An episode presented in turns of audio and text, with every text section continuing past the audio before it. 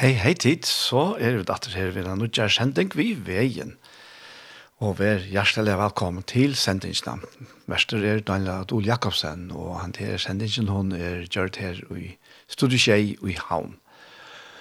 Og i dag så ferdig er at, at sende en tale til Åke Åleskjær, og til en tale som han helt for rettelig nekvån for noen sjøene, og han kattler talene for Gud vil menighet.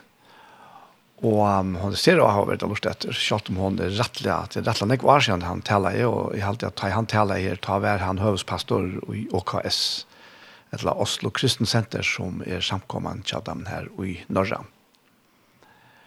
Men uh, åren vi færre at uh, Lurstav, så færre vi at spille en sang, og ta vær 10,000 Reasons til Matt Redman. Vi tar det Matt Redman vi 10,000 reasons, altså 20,000 årsøkjer til at lovprysa herranon. Ja, og meir at rett. Vi tar nå at lusta etter uh, og olskjer, og jeg ser her talene som han helter om Gud vil menighet. Og jeg har byttet opp i parstar, så jeg at jeg får spille og sanger i midtelen eisene. Men her kommer så talene vi og olskjer. Vi er veldig glad for å være på møte. Veldig herlig å være på møte. Og det vi gjør på et sånt møte som det her, det er mange ting. Men det jeg skal gjøre her i kveld er det. Jeg skal dele med deg. Jeg skal prøve å dele med deg noe av det som har hjulpet meg. Plus så står det om det i Bibelen at vi kan trøste andre med den trøsten vi har fått selv. Det vil si vi kan hjelpe andre med den hjelpen vi har fått selv. Og du skjønner, vi har opplevd noe som jeg vet at enhver som får smake på det, da skjer det noe i livet ditt som gjør livet enklere å leve. Jeg sier ikke at livet bare er en dans på roser, men jeg sier det, det gjør livet enklere å leve. Så i kveld skal jeg vise deg to enkle ting. Er det ikke tre av Åge, sier du? Nei, det er to. For du som er godt kjent i huset vet at Åge han har innledning, tre punkter og avslutning. Men i kveld har vi innledning, to punkter og avslutning. Blir prekenen kortere da, sier du? Forhåpentligvis, svarer jeg da. Ok, vi skal åpne Bibelen i Matteus 16, og så skal vi se. Så det finnes et par ting. Eksakt to ting i kveld. Sier bare to ting. Ut, ja. Vel, det er et par ting, det er to ting jeg vil dele med deg i kveld, som er åpenbaringer Bibelen har. Du skal se da at det ordet åpenbaring er der. Hva er åpenbaring, sier du? Jo, det er at du får se noe som var skjult. Det er klart, når jeg kom til syne her, så er jo jeg en åpenbaring, ikke sant? For du har jo ikke sett meg før nå. Jeg har jo stått her fremme og er mer eller mindre usynlig, men så kom jeg og ble synlig, så jeg var en åpenbaring. Åpenbaring. Och du sier, ja vilken åpenbaring? Ja, men du ska få bättre, du ska få bättre åpenbaringer än det här ikväll. Skjønne, åpenbaring är ett ord som Bibeln ofta brukar. Och da är det viktigt att skjønne, vad är det för noe? Jo, det är att något som är skjult för dig, något du inte är klar över, kommer fram, blir tydligt. Och Bibeln snackar om det i det vi ska läsa här nu. Matteus 16, från vers 16, där Jesus eller om Jesus det her står, jeg tror jeg begynner faktisk i vers 13. Matteus 16 fra vers 13. Da Jesus kom til området ved Caesarea Filippi, spurte han disiplene sine og sa, hvem sier menneskene at jeg, menneskesønnen, er?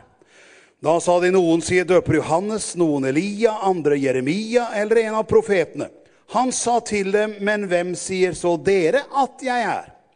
Och här ska du se uppenbaringen kommer. Simon Peter svarte och sa, du är Kristus, den levande Guds son. Jesus svarte og sa til ham, salig er du, Simon Barjona, det betyr Jonas' sønn. For kjøtt og blod har ikke åpenbart dette for deg, men min far, han som er i himmelen.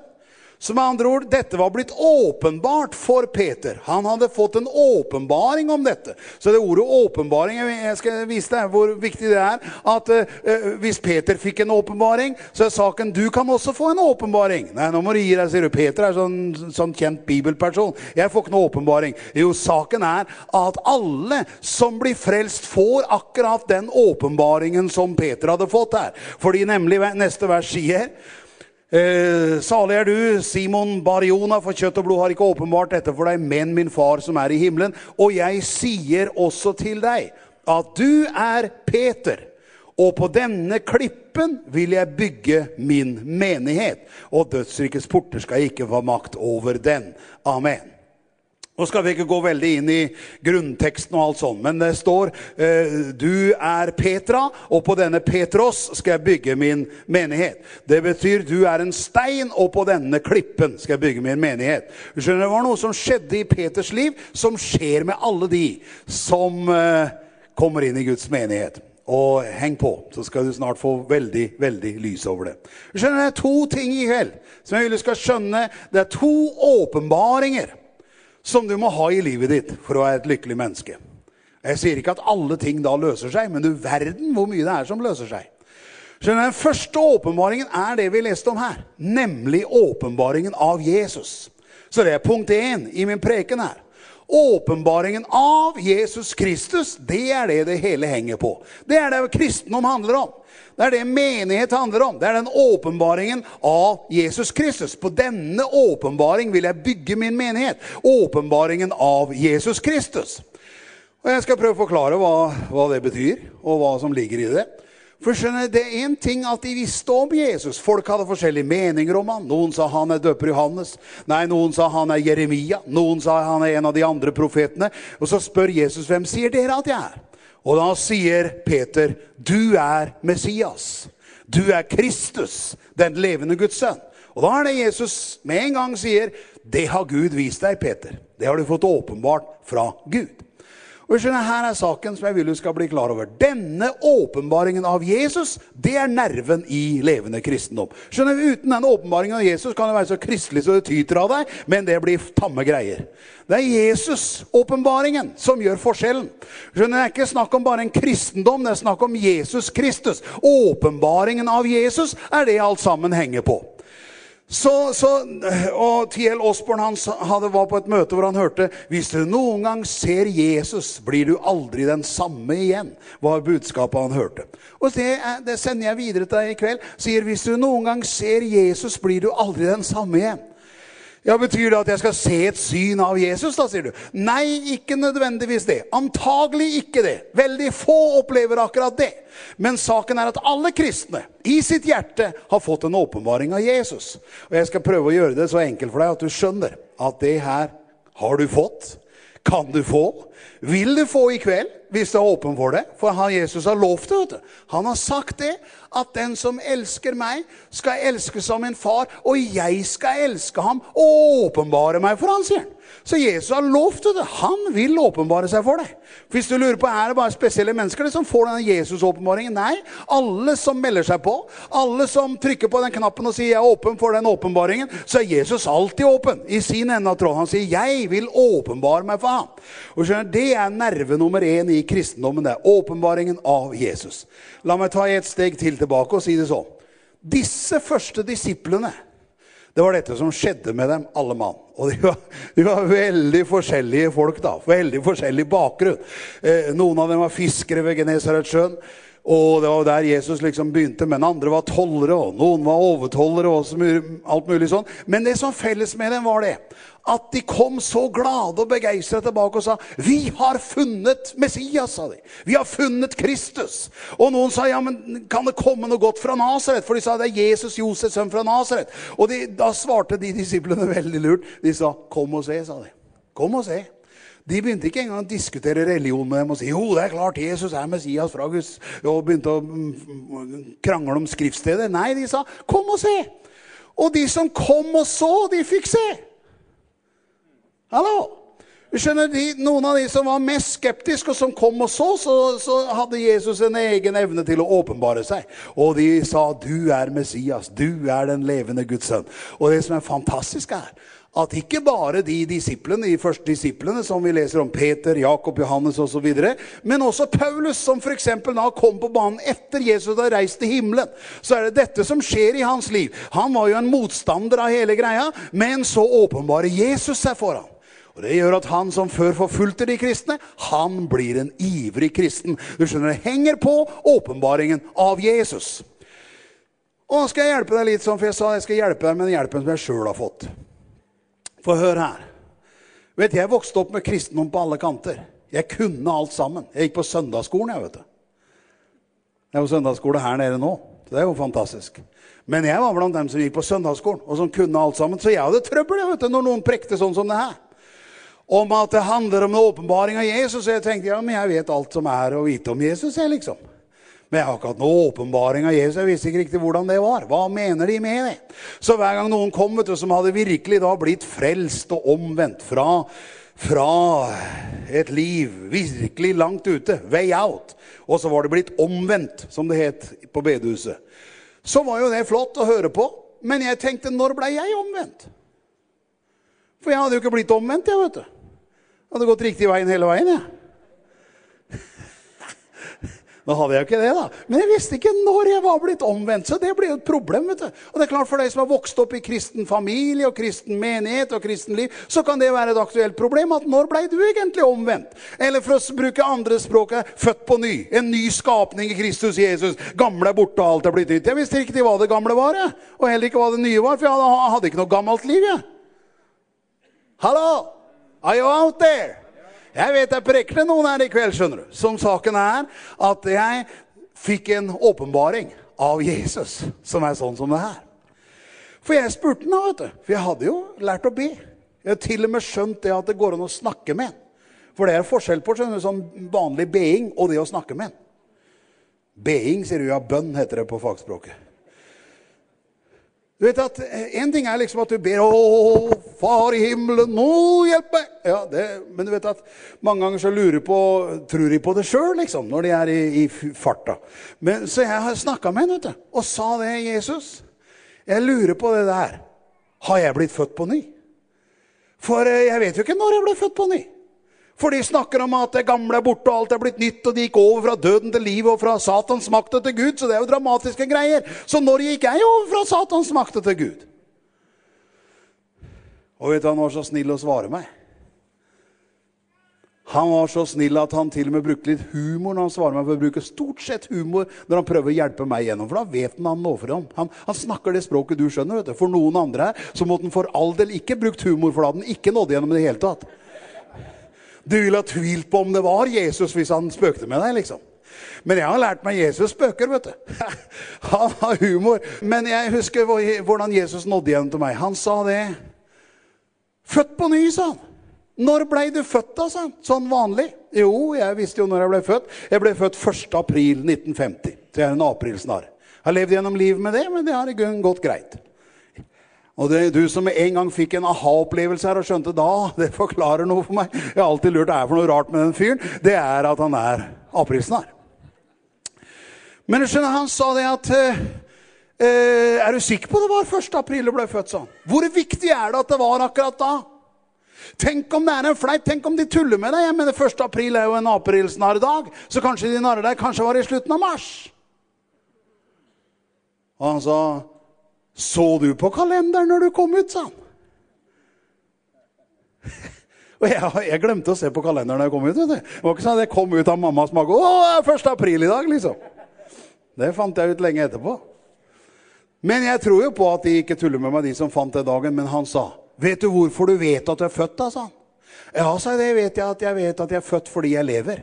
Fordi hvis jeg lever, så ble jeg født en gang. Så den fødselsdatoen, vi ble enige om det, at den fødselsdatoen er ikke så viktig. Det viktige er at jeg lever. Fordi hvis jeg lever, så er jeg født. Og så sa han, helt riktig, sa han. Her er hele saken. Bibelen sier, den som har sønnen har livet, sa han. Den som ikke har sønnen har ikke livet. Så hvis du har livet, så har du sønnen, og har du livet, så er du født på ny.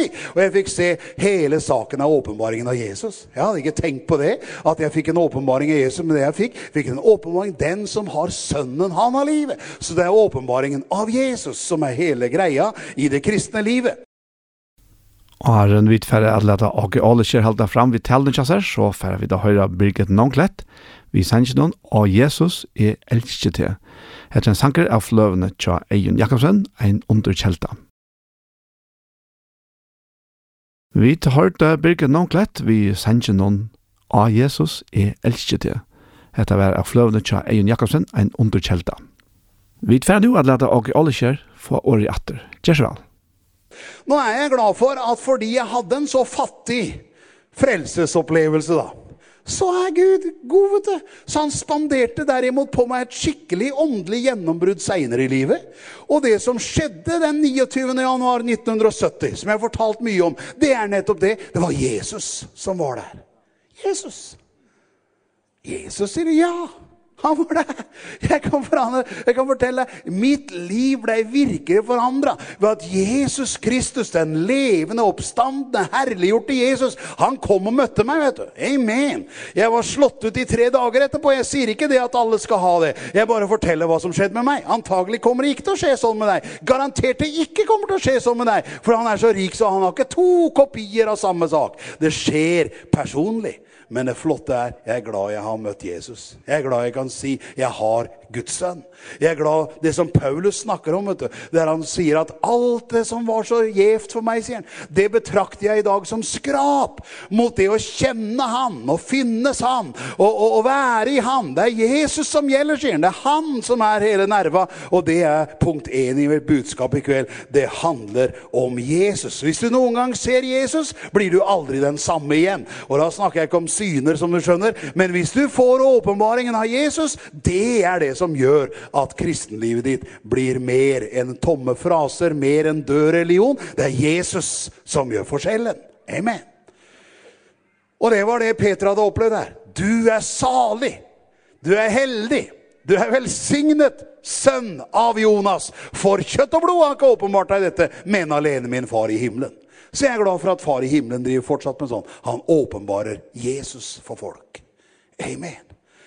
Og det kommer til å gjøre her i kveld han driver med det mens vi snakker her i kveld. Derfor vil du også se at veldig mye av Bibelens undervisning handler om eh, Kristus Jesus, han som vi forkynner. At i han er alle visdommens og kunnskapens skatter så skjulte steder. stede. Jesus Kristus er alfa og omega, begynnelsen og enden. I han er alle Guds løfter blitt oppfylt osv. Alt sammen er sentrert i denne gaven som er Jesus Kristus, for han er Guds gave. Uh, yes. Yes. Men så står det noe mer her, skjønner du. Skjønner jeg vet at veldig mange her vet at i en kristen menighet så snakker man om Jesus, tror på Jesus, preker om Jesus, synger om Jesus, priser Jesus, og så videre. Eh, som, som Trygve Vikstøl sang, vet du, det er Jesus om morgenen og Jesus om kvelden, Jesus hele dagen, og så videre sånn. Så det er Jesus, vet du. På en eller annen måte er det det. Det handler om Jesus Kristus. Det er klart det handler om noe mer enn det, men jeg sier den åpenbaringen er selve nerva. For det er nemlig Jesus Kristus som er hemmeligheten også til det nye livet som kristen skal leve. Fordi det står nemlig 'Jeg lever ikke lenger selv, men Kristus lever i meg'. Skjønner det er Jesus som er nerva. Det er han som er nøkkelen. Det er han som er den som gjør at det fungerer i det kristne livet. Det er Jesus Kristus fra begynnelse til slutt. Og vi kunne ha prekt oss skikkelig varm og ivrig på akkurat det. Men jeg sier bare sånn Alle dem som tok emot ham, står det, ga han retten til å bli Guds barn. Dem som tror på hans navn. Den som har sønnen, han har livet. Det står Gud elsket verden, så han gav sin sønn den enbårne, for at hver den som tror på ham ikke skal fortapes, men har evig liv. Så, så han sendte ikke sin sønn til verden for å dømme verden, men for at verden skulle bli frelst av han. Så Jesus er verdens frelser, Jesus er svaret, Jesus er hilsenen fra Gud. Det handler om Jesus. Vil du ha mer, så kan du få en til, du kunne få mange, men det står det, vet du, at det troens ord som vi forkynner, det er at du behøver ikke reise opp til himmelen for å hente Kristus ned. Heller ikke ned i avgrunnen for å hente han opp fra de døde. Men hva sier den, står det? Jo, ordet er deg nær, i din munn og i ditt hjerte. Det er troens ord som vi forkynner. Det er at Jesus er hos deg, vet du. Til og med hos deg som ikke er en kristen, så er Jesus han er like nærme som pusten i din nese. Han er like nærme, han er deg nær i din munn og i ditt hjerte. Derfor står det dersom du tror, at Gud reiser Jesus opp fra de døde, med din munn bekjenner at Jesus er Herre, så skal du bli frelst. For med hjertet tror en til rettferd, med munn bekjenner til frelse. Så skjønner du, det er budskapet. Troens ord som vi forkynner, det er at Jesus er her. Jesus er til og med i deg. Han er til og med hos deg. Du kan når som helst kalle på han når er her. Det slår til når du kaller på Jesus. For alle som tok imot ham, den ga han retten til å bli Guds barn. Så skjønner, frelsen er så ferdig, og så nær, at du må nesten stå imot for for ikke å få det, skjønner du. Hva er det du sier for noe, sier du? Ja, du skjønner, det er så lett å bli frelst, og det er så nærliggende å bli frelst. Du kan bare takke Jesus, og der er det, vet du.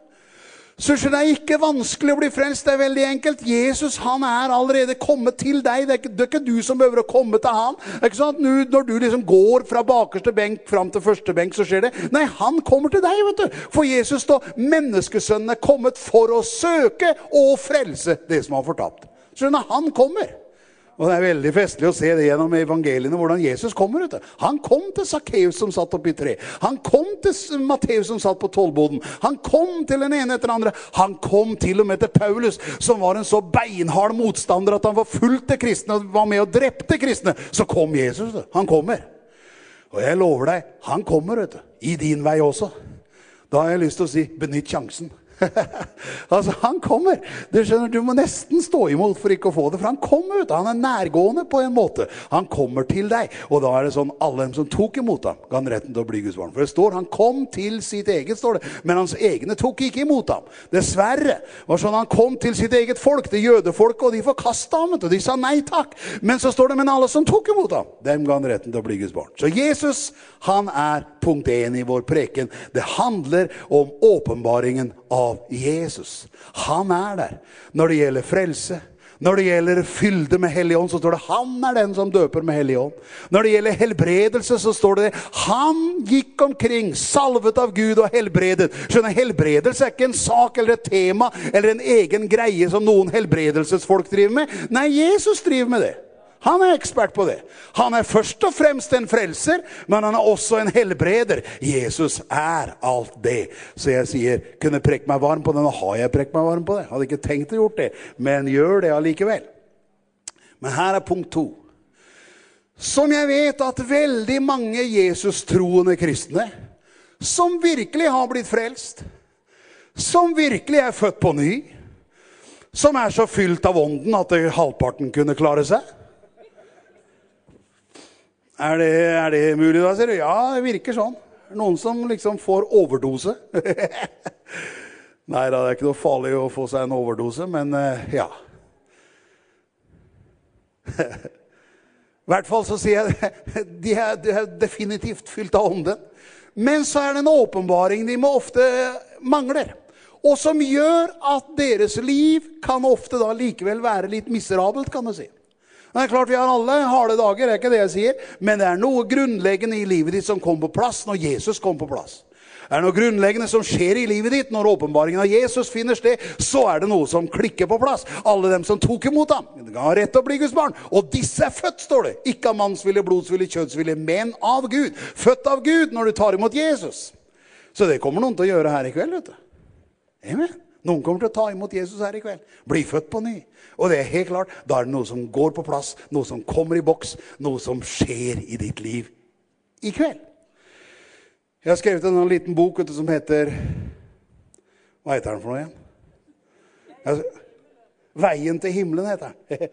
Det vet du som deler ut den høyt og lavt. I den boka Veien til himmelen vet du, så er det sånn at det slutter der helt enkelt hvordan tar du imot Jesus, hvordan tar du imot frelsen. Jeg husker en kar da, jeg husker mange karer. Jeg husker en som stod ute i gangen her ute, og som en annen hadde hatt med seg, og han hadde gitt den den boka, og han hadde tenkt å lede han til Gud, sånn sakte, men sikkert da. Men selvsagt hadde gutten, eller mannen da, lest boka, og han var en sånn skikkelig ordentlig kar også, for øvrig. Hender ordentlige folk også leser våre bøker, vet du. You never know. Så, så han hadde lest den boka, og tatt imot det, vet du, og blitt født på ny. Så han som hadde gitt den boka var litt sur på meg da. Fordi at han hadde jo sett fram til å lede den mannen og liksom be frelsesbønn med han. Men han var blitt frelst da, vet du, ved å lese boka. Det kunne ikke jeg noe for. Jeg var ikke der og leste for den. Jeg hadde bare skrevet boka, jeg. Og han hadde jo sjøl gitt den boka, så han var jo medskyldig. Og det var selvsagt bare humor i det der. Men han hadde liksom sett fram til å lede mannen til frelse. Men saken var han blei frelst. Vet du. Så når de møttes neste gang, så var han begeistra for den boka han hadde fått. Og han var takknemlig for at han hadde opplevd det som sto i boka. Og så sier han, for du skjønner, jeg gjorde bare det som står på slutten av boka. Jeg tok det diktet sånn, som står på slutten der. Jeg tenkte det er mange ting jeg gjør, men det er definitivt dikt. Det er ikke min greie. Hvis noen lurer på om det er sant, kan de sjekke med lillemor. For jeg, mine dikt fungerer ikke. Det er helt klart. Jeg har skrevet noen dikt, til og med til henne, men nå er ikke noe glad for dem. Så jeg lar det være.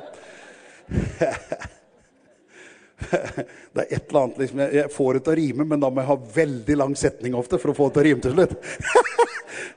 så har jeg jo sett det siden, vet du. Når jeg ser Madeleine for eksempel skrive, så ser jeg at det behøver ikke rime, vet du. Det har ikke jeg skjønt. Det behøver ikke rime for den er dikt, vet du. Det er en helt annen måte å skrive sånn på nå, som gjør at rim, det er gammeldags, det, vet du. Så jeg har, jeg har begynt på nytt igjen nå, da. Men uansett så sa han, jeg tok det her diktet, sa han.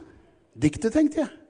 Och så skjønte jag plötsligt hva han mente, nämligen romerne 10. Att jag förklarar att dersom du tror att Gud reiser Jesus från de döde, men i mun bekjenner att Jesus er Herre, så, så, så står det liksom, be på den måten och si det här. Så gjorde han det! Och så skedde det. Han sa, jag merket det skedde, vet du, det skedde noe in i mig när jag gjorde det der. Så, så, så blev jag frälst, jag skönner det, att, att jag blev frälst. Så det flotte är, så nærgående är det, så enkelt är det. Den som påkallar Herrens namn, han skall bli frälst. Så jag, där snöt vi han som hade liksom lagt upp ett väldigt program för att få han här karn frelst, det går så glatt når de oppdager det med Jesus. Jeg sier hemmeligheten er at Jesus Kristus, han er veien, sannheten og livet. Ingen kommer til faderen uten ved han, men saken er, tar de mot han, så kommer de sannelig til faderen. Da kommer du til himmelen, da er døra åpen, da er du frelst, for å si det sånn.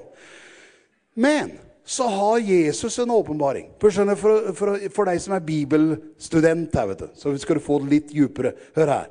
Du skjønner, Jesus Kristus, han er Guds hemmelighet.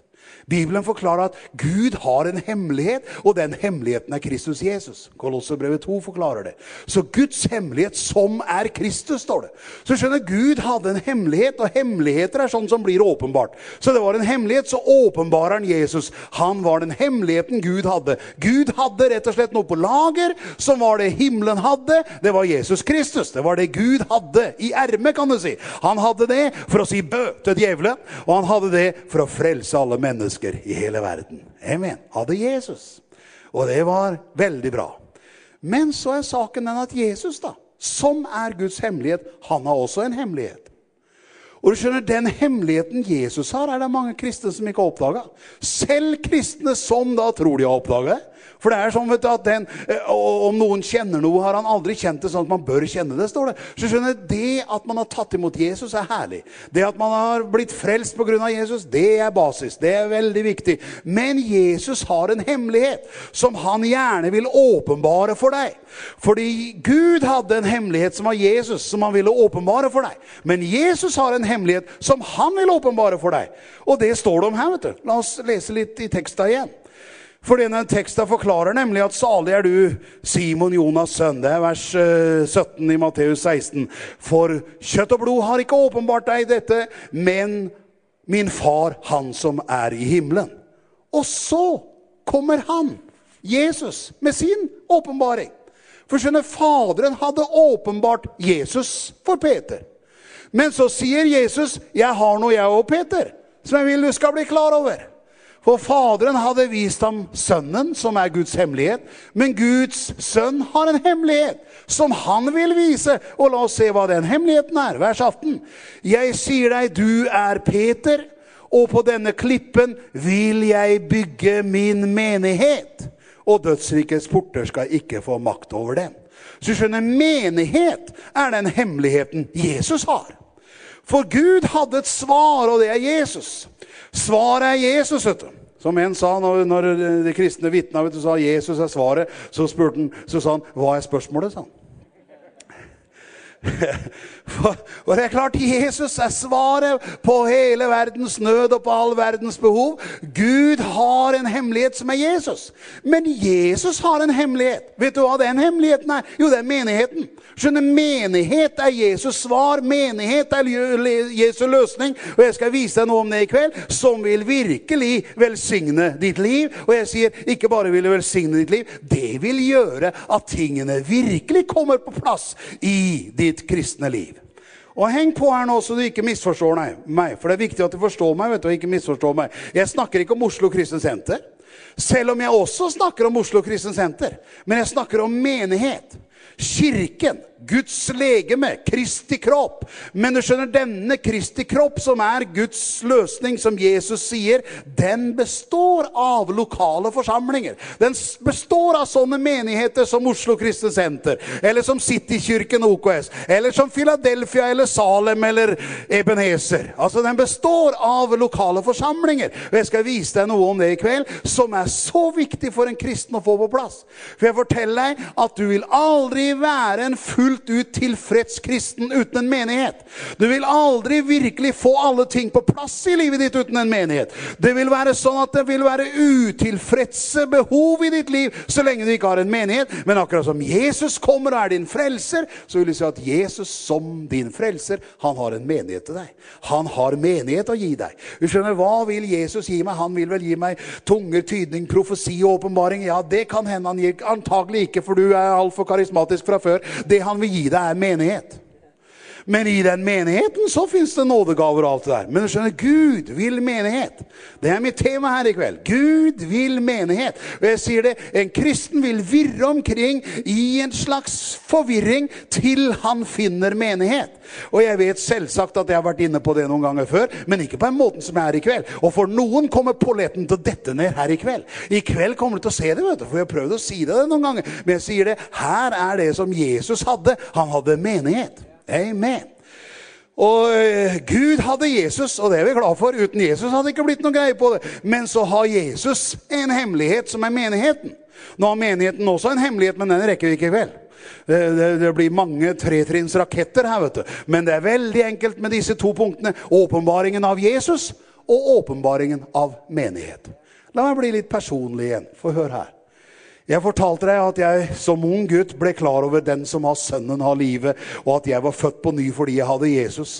Så har jeg også vitnet for deg at jeg 29. januar 1970 kvart over ni på kvelden i 20 kullegradar bak frikirken halden under åpen himmel, virkelig møtte denne åpenbaringen av Jesus. Jeg mener, han skrev noe i livet mitt som gjør at jeg for eksempel ble predikant, kan du si. Jeg hadde aldri tenkt å blitt det. Men han ødela alle mine egne planer den kvelden her. Fordi han skaka meg liksom i livet mitt ved å møte meg på den måten han gjorde. Og det er sånn at jeg når som helst kan liksom gjenkalle den Jesus-opplevelsen. den og i alle kjær slipper at enda sånn at tale, så får vi da høre Cindy Thompson vi sender noen til So Sweet to Trust in Jesus. Vi tar det her Cindy Thompson vi sender noen is so sweet to trust in Jesus. Og nu færa vi så at leda og alle kjer sleppa at enda tala sina. Kjer så vel. Men så er saken den at selv om jeg da hadde denne inngangen og starten i kristenlivet, så er saken jeg hadde ikke skjønt det med menighet, vet du. Hadde du ikke det, sier du? Ja, jeg gikk inn i en menighet. Jeg ble jo med i en menighet. Hvis du vil ha det mer eksakt, så var det 23. november 1969. som jeg, som jeg gikk inn i pinsemenigheten salen i Halden. Og de kunne menighet. Ja, ja, ja. De hadde menighetssyn så det gvein. Yes, ingenting gærent med det. Veldig bra menighet, faktisk. Jeg er veldig lykkelig over at jeg havna i den forsamlingen. Men, men de greide ikke på, på en eller annen måte. Det var ikke deres feil, det var min feil. Du skjønner, det er treghet i mottagerapparatet, ikke sant? Og det skjønner du jo at det er hos meg, da. det, det, det er treghet i mottagerapparatet. Det er lillemor også begrepet. Hva sa du? Ja, det sa vel det. hun sa ja. Men skjønner, saken var, jeg så ikke det med menighet på en måte som jeg skulle se det. Og det er det Bibelen sier, at om noen kjenner noe, så har han aldri kjent det som man bør kjenne det. For når, så når jeg begynner å snakke om menighet, så tenker jeg, ja, okay, men det vet jeg, jeg kan det, det har jeg bokset, ja, jeg er med i OK, så jeg. Så ikke mas med meg, liksom. Jo, jeg maser med deg. Det er deg jeg maser med. det er deg jeg virkelig, selv om jeg snakker til dere alle sammen, så snakker jeg ikke minst til deg som er i OKS, som er en herlig OKS og gjør alt, hva skal jeg si, du er med så du gviner, men jeg vil du skal få en åpenbaring, skjønner du, i ditt liv. Jeg sier ikke du får den her i kveld, men jeg sier, vær veldig åpen for at det blir en åpenbaring for deg, det med menigheten. For jeg vittner for deg og sier følgende, jeg var jo da fra, fra, fra 29. januar av, så var jo jeg sånn propellkristen, ikke sant? Turbokristen. Litt for mye til å begynne med. Litt for høyt oppe. Ja, sier du, det, det, det merker jeg. Du er fortsatt oppi der. Nei da, nå er jeg så rolig, så. Men, men jeg var turbokristen. Yes, yes. Jeg prøvde å vinne mennesker overalt jeg kom, og det er fint. Det er veldig bra å være evangelist, så jeg var evangelist, vet du. Og prekte og holdt møter og holdt på. Havna jeg etter hvert i Saronsdal, jobba med Ari Ledvarsen, jeg var ute og forkynte evangeliet høyt og lavt, var på bibelskole, var til og med forstander i menigheten i Kvinnesdal. Hvis jeg var ikke forstander, jeg var fast evangelist med forstandermyndighet. Men det vil si at jeg burde egentlig vite hva menighet var. ikke sant? Men fordi jeg ikke virkelig skjønte hva menighet var, så var det der djevelen nesten vippa meg av pinnen, skjønner du.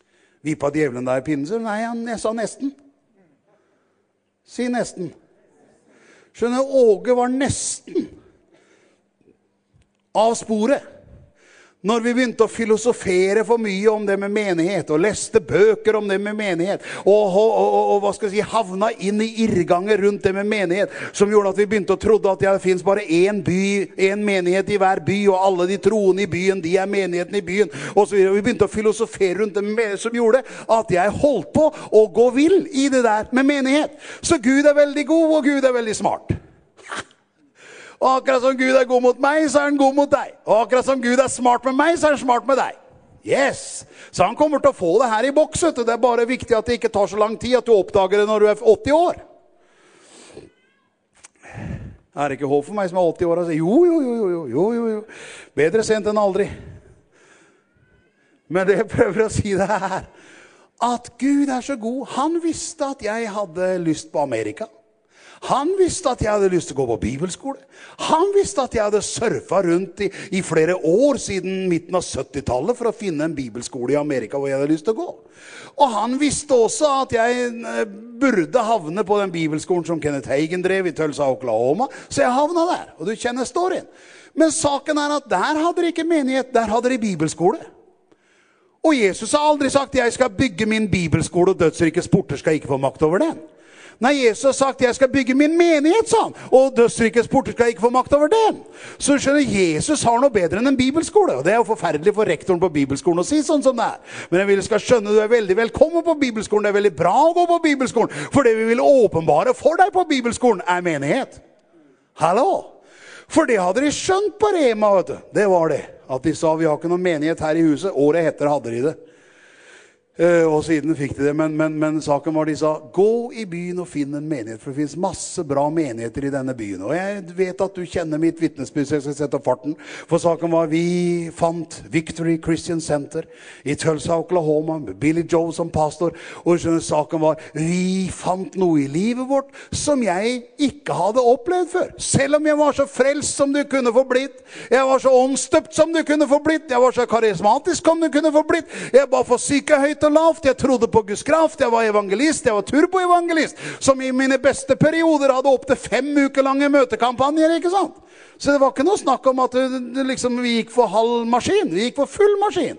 Speed, turbo. Det er ofte problemet. Det er ikke så lett å snakke til sånne folk, vet du. Det er ikke så lett å nå igjennom til sånne folk som har så høy fart. Så det Gud fant ut, vet du, han er smart og han er lur. Og han er god. Så han fant ut en av de måtene vi kan få parkert Åleskjær, så vi kan få forklart noe om det her. Det er å sende den til utlandet. For så lenge han er i Norge, så holder han altfor høy fart. Nytter ikke få sagt noe til han. Så han sendte meg til utlandet, og jeg er så glad for, og så lykkelig over, at jeg fikk se at det med menighet, skjønner du, det er en sånn nøkkel i det kristne livet for hver enkelt personlig, og til og med for dem som er predikanter, da. apostler, profeter, evangelister, hyrder og lærere. Hvor satt han igjen? Han sa han ga dem til menigheten, står det. Så skjønner du, menigheten er der hvor nådegaven er plassert, og tjenestegaven er plassert. Så jeg var jo mer en sånn fritt vilt evangelist, jeg vet du. Selv om hvis du hadde utfordret meg, så hadde jeg sagt, selvsagt er jeg menighetsforankret.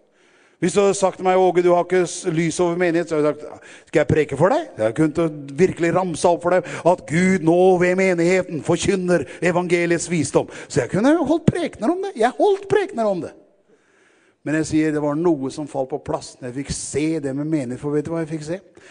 Jeg fikk se det at menighet, Det er Guds, det er Jesu løsning for hver enkelt av oss. For en ting er at det er løsning for en predikant, da du ser hvordan Paulus, som var så kalt av Gud som han var, og var så blinka ut av Jesus som han var, det var først når han havna i menigheten i Antiochia, at det ble det det skulle bli. Det var da Paulus kunne ta av. Det er da hans liv kunne blomstre. Det er da hans gave kunne slippe løs. Det var når han havna i menighet. Men hør her, det jeg fikk oppdaget, var det her at når jeg så det med menighet som, som jag gjorde det året vi gick i, i Victory så ändrade det hela min tjeneste, Vet du. Jag gick, jag slutade som evangelist där och då. Jag.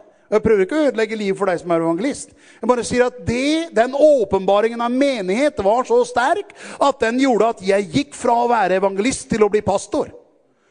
Hvorfor det? Jo, for jeg forstod at det folk trenger er menighet. Det du skal vie livet ditt til, Åge, det er menighet. Det som er saken er menighet. Det er det mennesker behøver. Visst trenger de evangelister, men evangelister må operere i det som springer ut fra menighet. Så jeg visste at mitt liv, det skulle virkelig bli gira mot det med å bygge menighet. Så jeg kjente hvordan han den 4. desember 1984 kalte meg og sa det. Reis hjem til Oslo og start en sånn menighet der. For jeg fikk se noe når det gjelder menighet som selv sagt i all begrensning har kunnet komme til uttrykk, men jeg sier det, menighet er svaret på det du trenger i ditt liv. Jeg trodde Jesus er svaret. Jeg sier, ja, men Jesus har et svar til deg. Menighet. Menighet. Halleluja. er det her sånn OKS-reklame, sier du? Nei, nei, nei, for all del. Finn deg en menighet i byen. Finn deg en menighet her hvor du er. Jeg sier ikke at den menigheten vil være her. Det er alt ettersom. Men hjertelig velkommen, det er ikke det jeg snakker om. Men det jeg snakker om er Gud vil menighet. Gud vil du skal se den åpenbaringen. Det er to åpenbaringer som vil få ting på plass i livet ditt. Det ene er åpenbaringen av Jesus. Det andre er åpenbaringen av menigheten. For Gud har åpenbaringen av Jesus. Dette har har min far i himlen vist deg når han sa du er Messias, den levende Guds sønn. Mens Jesus har en åpenbaring til deg, og den åpenbaringen er menigheten. Og jeg kunne selvsagt vist deg masse skriftsteder hvor Jesus forklarer at menigheten, det er hans åpenbaring og hans løsning. Men nå er jeg allerede på overtid her. Men jeg vil du skal se en ting til slutt. Matteus 9,36. For jeg kunne selvsagt vist deg hvordan Gud reiste Jesus opp fra de døde og ga ham som hode over alle ting til menigheten, som er hans legeme. Så skjønner Jesus ble oppreist fra de døde og reist opp til Faderens høyre hånd, og så ga Gud Jesus til menigheten. Du skjønner, menigheten fikk Jesus som hode. Og Jesus fikk et legeme som er menigheten, og her er det masse herlig stoff, men det tar vi ikke nå. Det jeg vil du skal se er dette. Matteus 9, 36. For der står det om Jesus, eller der sier Jesus, da han så folkeskarene, ble han dypt grepet av medlidenhet med dem. For de var utmattet og spredd omkring som søver uten hyrde. Kenneth Hagen underviste mye om det her på den bibelskolen jeg gikk. Han sa, legg merke til, sa han, at det står ikke som søver uten apostel. Legg merke til at det står ikke som søver uten profet. Legg merke til at de var ikke som får uten evangelist. Men det står de var som får uten hyrde. For det mennesker behøver, sa han, først og fremst, det er en menighet og en hyrde. En menighet og en pastor er det mest primære behovet som en kristen har. Når han får Jesus og blir frelst, så blir han en kristen. Og som kristen er det det han først og fremst trenger, det er en hyrde og en menighet. Det er det han trenger basis i sitt liv. Amen. La meg jeg driver og skal lande her nå. Men uh, siden jeg har vært inne på Kenneth Hagen da, så jeg hadde ikke tenkt å røre bort i han noe særlig. For noen kan tenke Hagen er farlig, nei Hagen er bra, men det er, det er en annen diskusjon. Men det han blant annet sier, det er at Jesus utfordrer han i en situasjon som de holdt på. For de hadde jo, de hadde jo en healing school vet du, på Rema.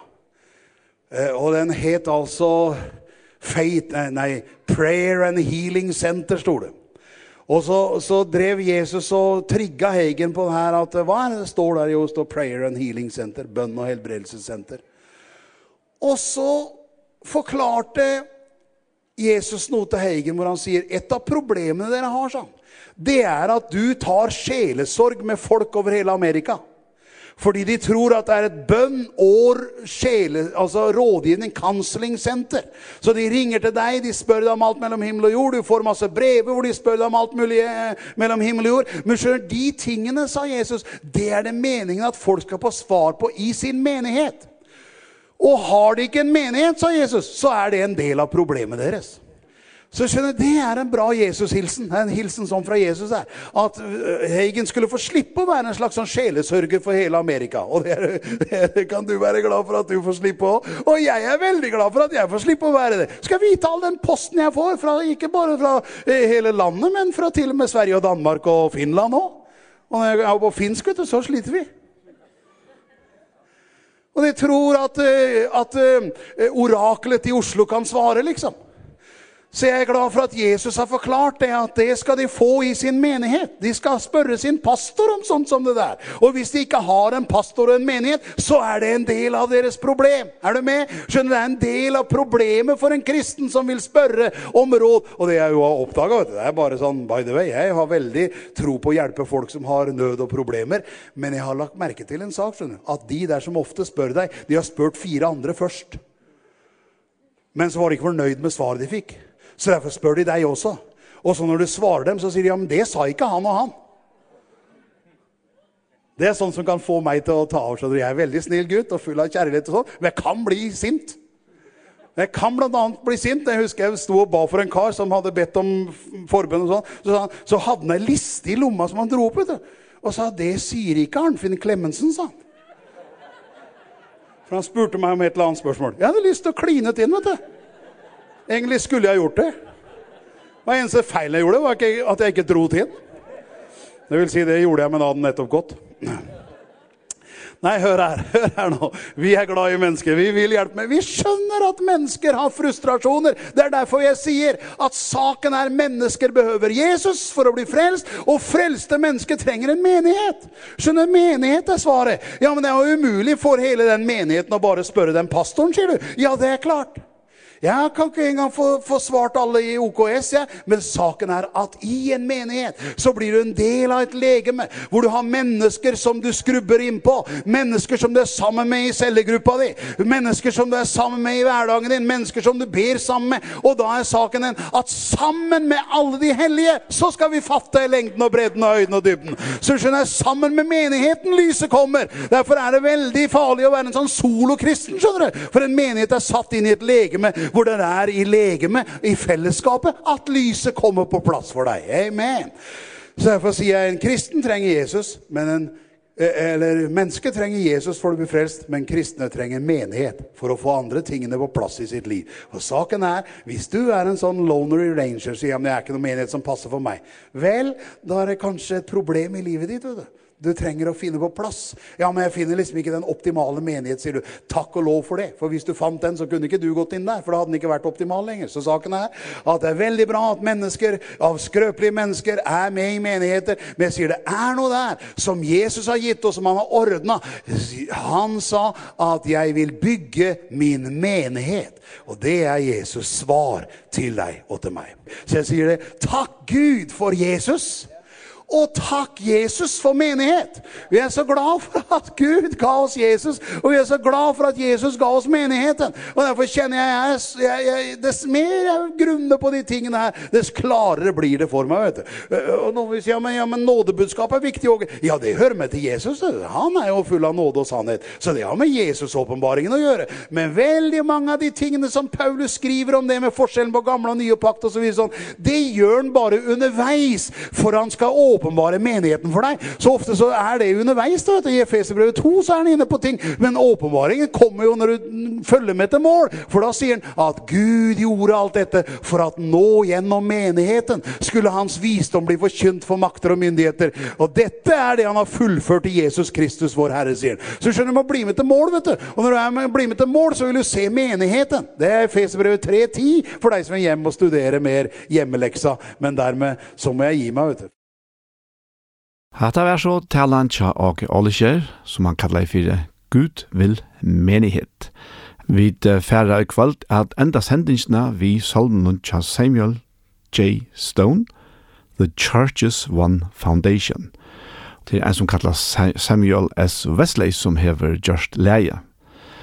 Hesten her salmen, han er tutter til først av Victor Danielsen, og jeg skal færre lesa han her. Hine sama grunden atla, god samkom og ta ber, hin flokk som jøgnen åre av nudjon føtter er, og i jøgnen struje blauet han eina bror vann, og fast og i ekta bante hon bunden er til han. Ur öllum falkon utvald, tå eitt av kvarjon sted, hin same god og fægir, hin same trygg er til, hit same breie føyer, friber hit same navn, hin sama vogn og frelsa, hit sama heim og havn. Og medan struje sluter, og jøkno vapna gnøy, god samkomma tå hikkur, vi troan oppi skui, til trøtta eia skoar, til sjån så lusela, at Herren kjemmer nyer, at henta brorna. Og sørsta verset sier, og i sambandet hon stenter, vi god og i strynon her, og andans fellagskap vi kvann som frelstur er. Allukkelige flokkur, god okkom visdom lær, at eimjukt framvid ferast mot kvilene tjater. Av flås havnun tapp 25 hymns tja Maranata, så fyrir det høyra The Church's One Foundation. Og vi er så kommet til endan av sendingene vi veien. Og i dag så har vi lust etter en til og olisje som han kallar for Gud vil menighet. Og verstur dag var så Daniel Otto Jakobsen og han til hent ikke vil høyre atter i kvöld klokka 9 og atter i morgen er det klokka 5. Så etter det beste innskja, godt vikskifte og jeg sier tusen takk for hesfer. Takk for so heimsig